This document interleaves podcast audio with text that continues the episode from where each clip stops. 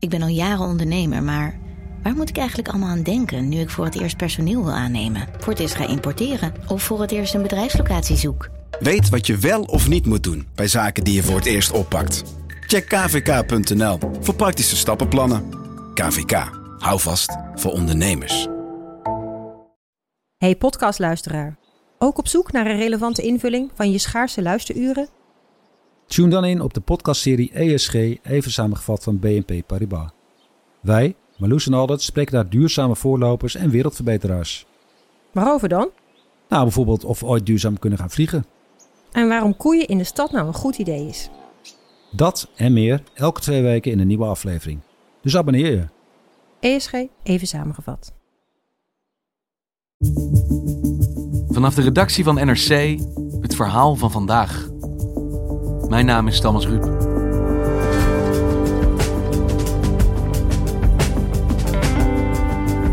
Vandaag staan de lidstaten van de EU voor even lijnrecht tegenover elkaar. Of liever zitten. Alle leiders schuiven in Brussel aan tafel om te onderhandelen over hoe het Europese geld de komende zeven jaar wordt verdeeld. Iedereen wil hetzelfde. Zo min mogelijk betalen, zoveel mogelijk ontvangen. Maar 27 landen betekent ook 27 verschillende belangen.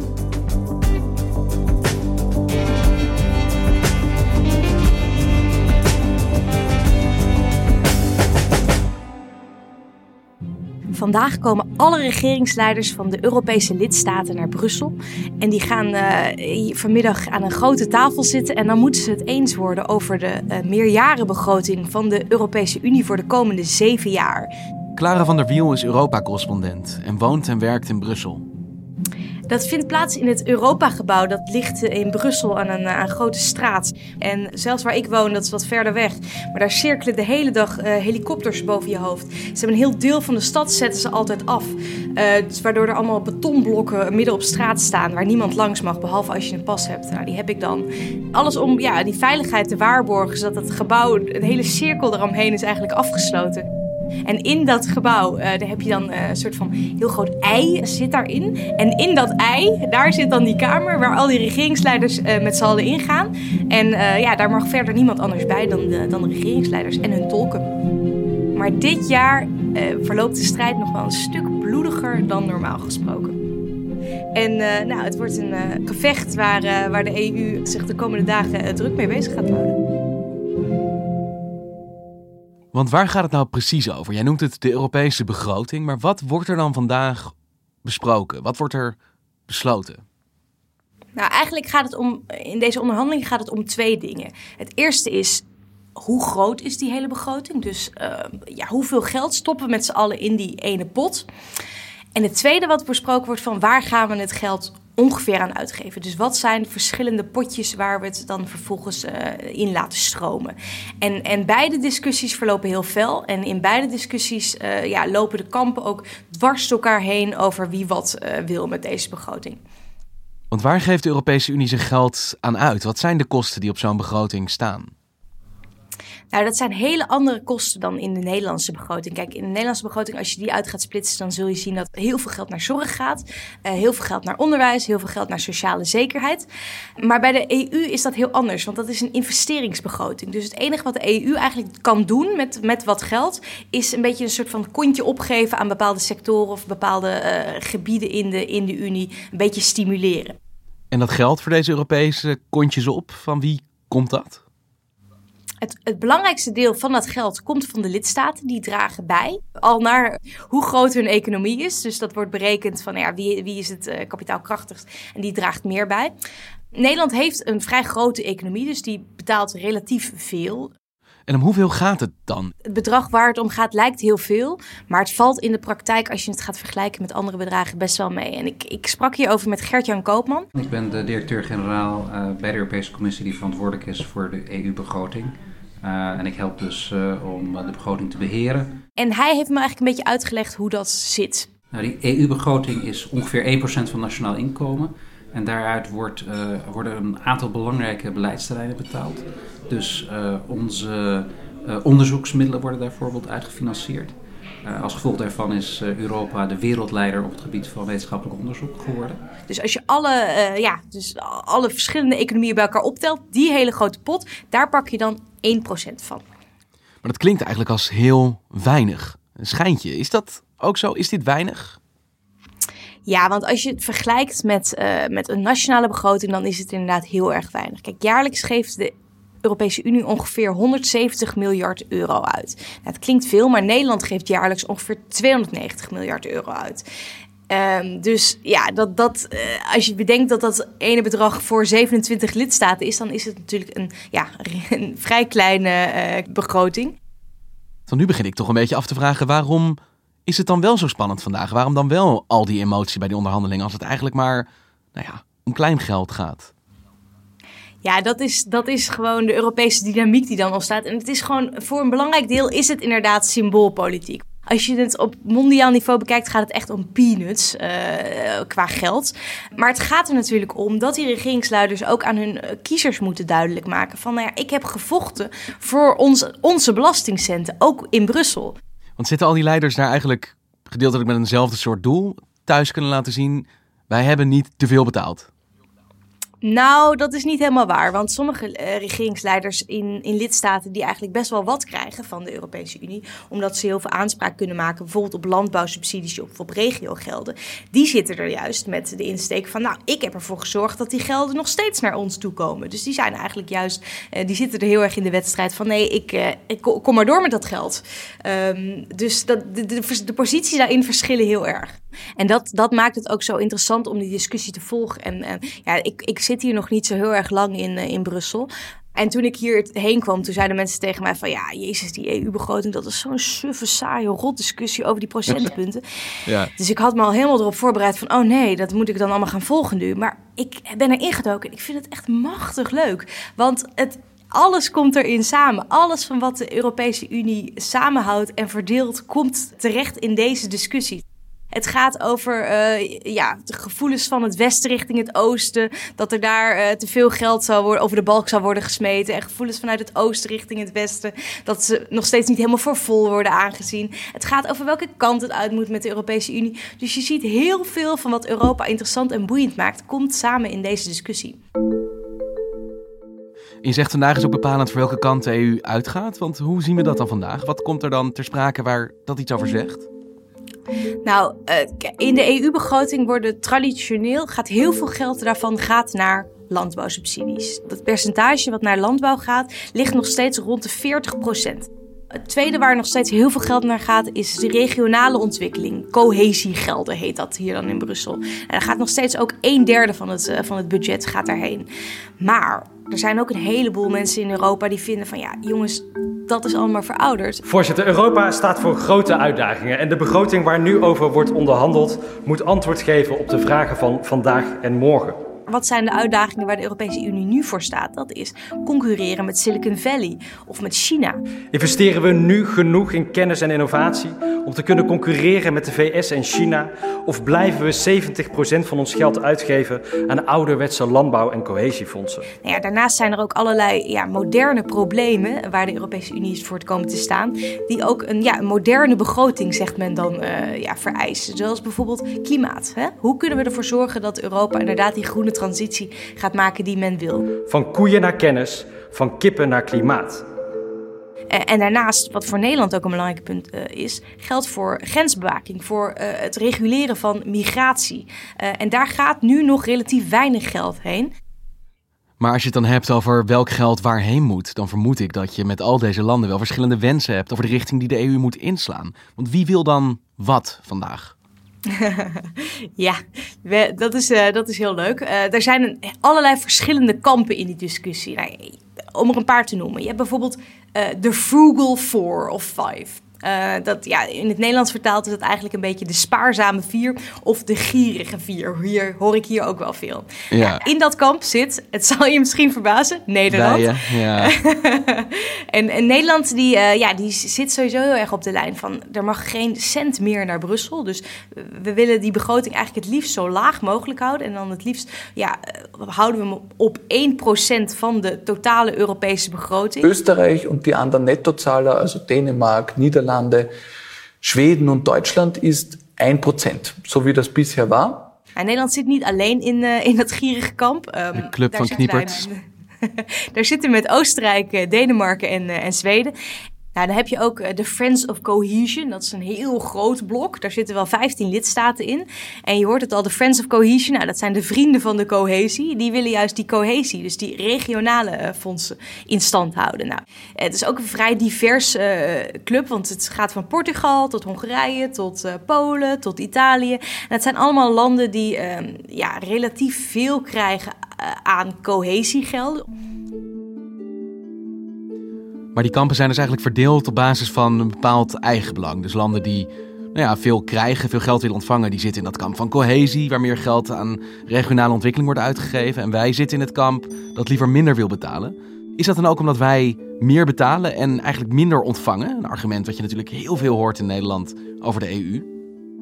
Ja, dat, dat dat argument wordt inderdaad heel sterk gebruikt hier. Van wij zijn een netto-betaler. En al jarenlang betalen wij voor Bulgaarse nepkastelen en flessen champagne op bijeenkomsten van de Europese Raad. En dan vindt Nederland zichzelf uh, in de berekening die ze zelf maakt zelfs de grootste netto-betaler van de hele Europese Unie. En ondertussen, ondertussen hebben we niets meer te zeggen over onze eigen grenzen en over onze eigen pensioenen.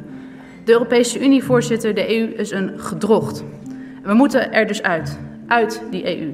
Want dat geld kunnen we veel beter in Nederland uitgeven die zitten gewoon de hele tijd uh, ja, twee, twee staatjes, twee Excel-bestanden naast elkaar te houden. Van nou ja, we betalen dit en wat krijgen we ervoor terug?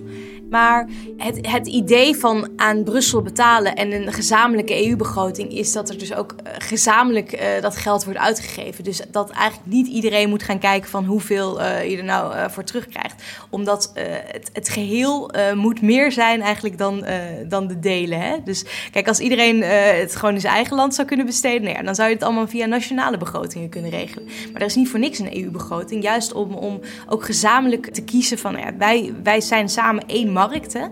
Uh, hoe gaan we nou die markt zo goed mogelijk inrichten? En dan heb je dus soms ook gelden nodig die ja, gezamenlijk worden besteed.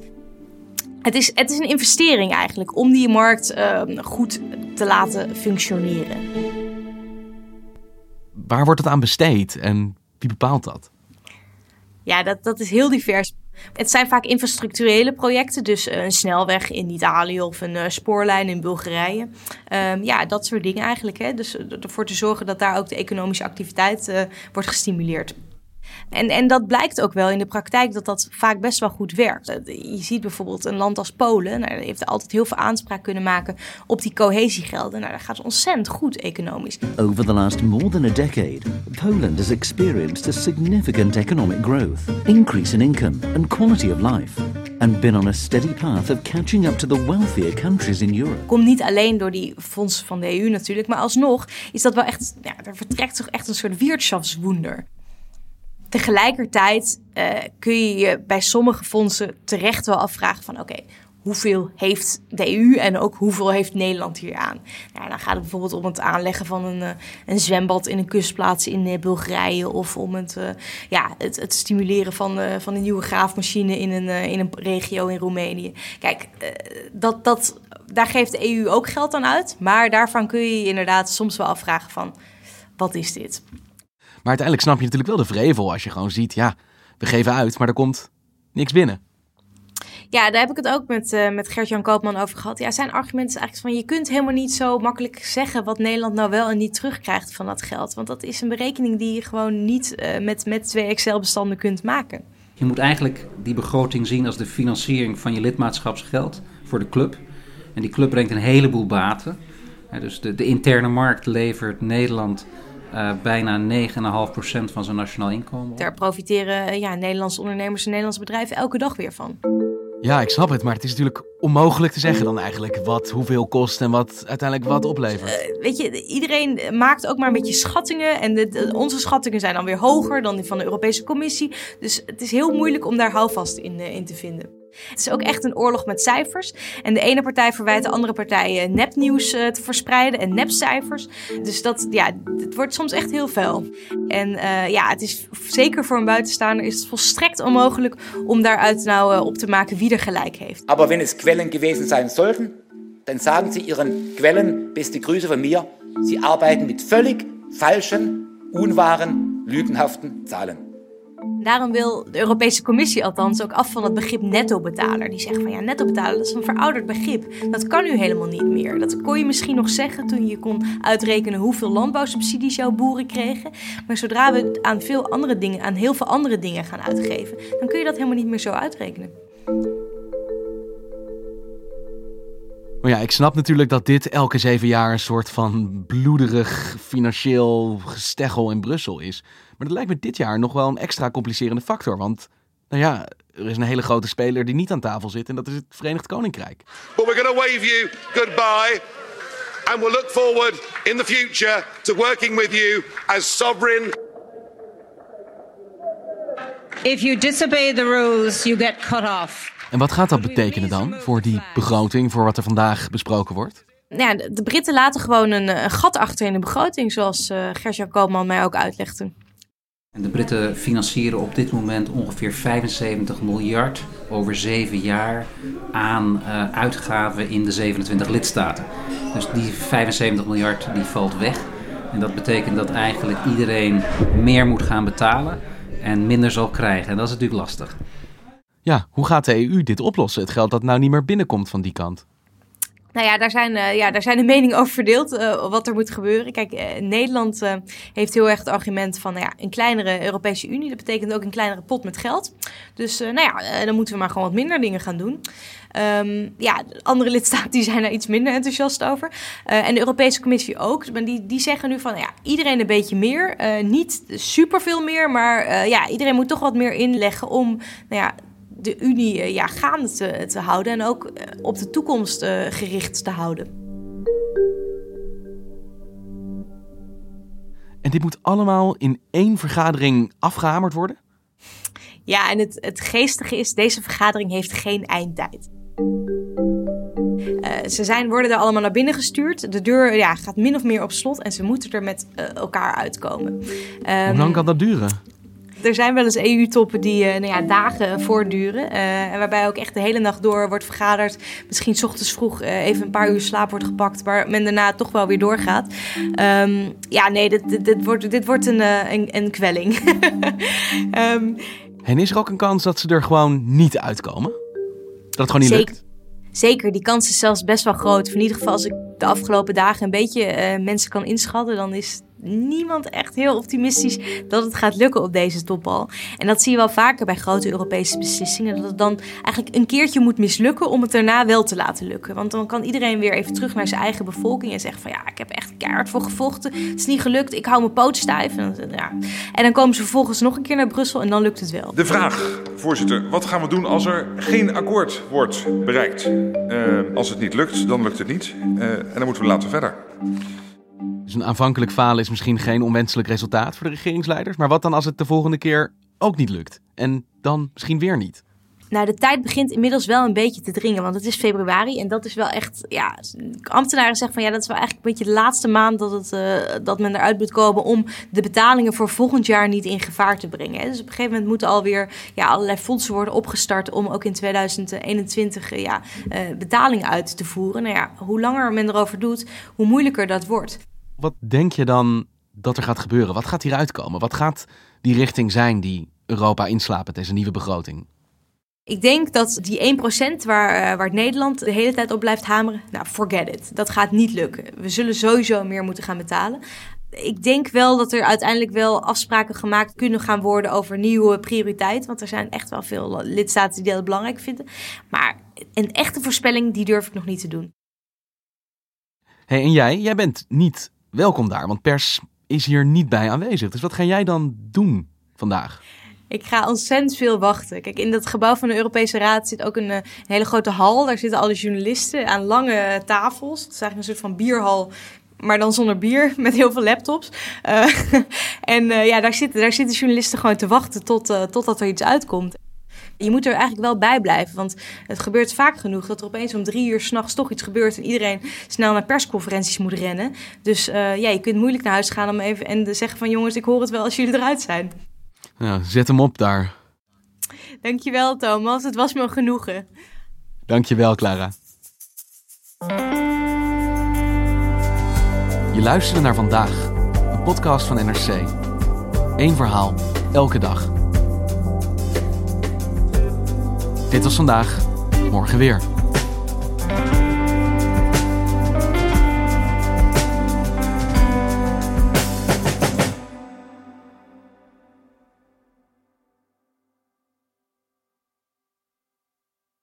Technologie lijkt tegenwoordig het antwoord op iedere uitdaging. Bij PwC zien we dit anders. Als we de potentie van technologie willen benutten, kunnen we niet zonder een menselijk perspectief. Human-led, tech-powered noemen we dat. Ga naar pwc.nl.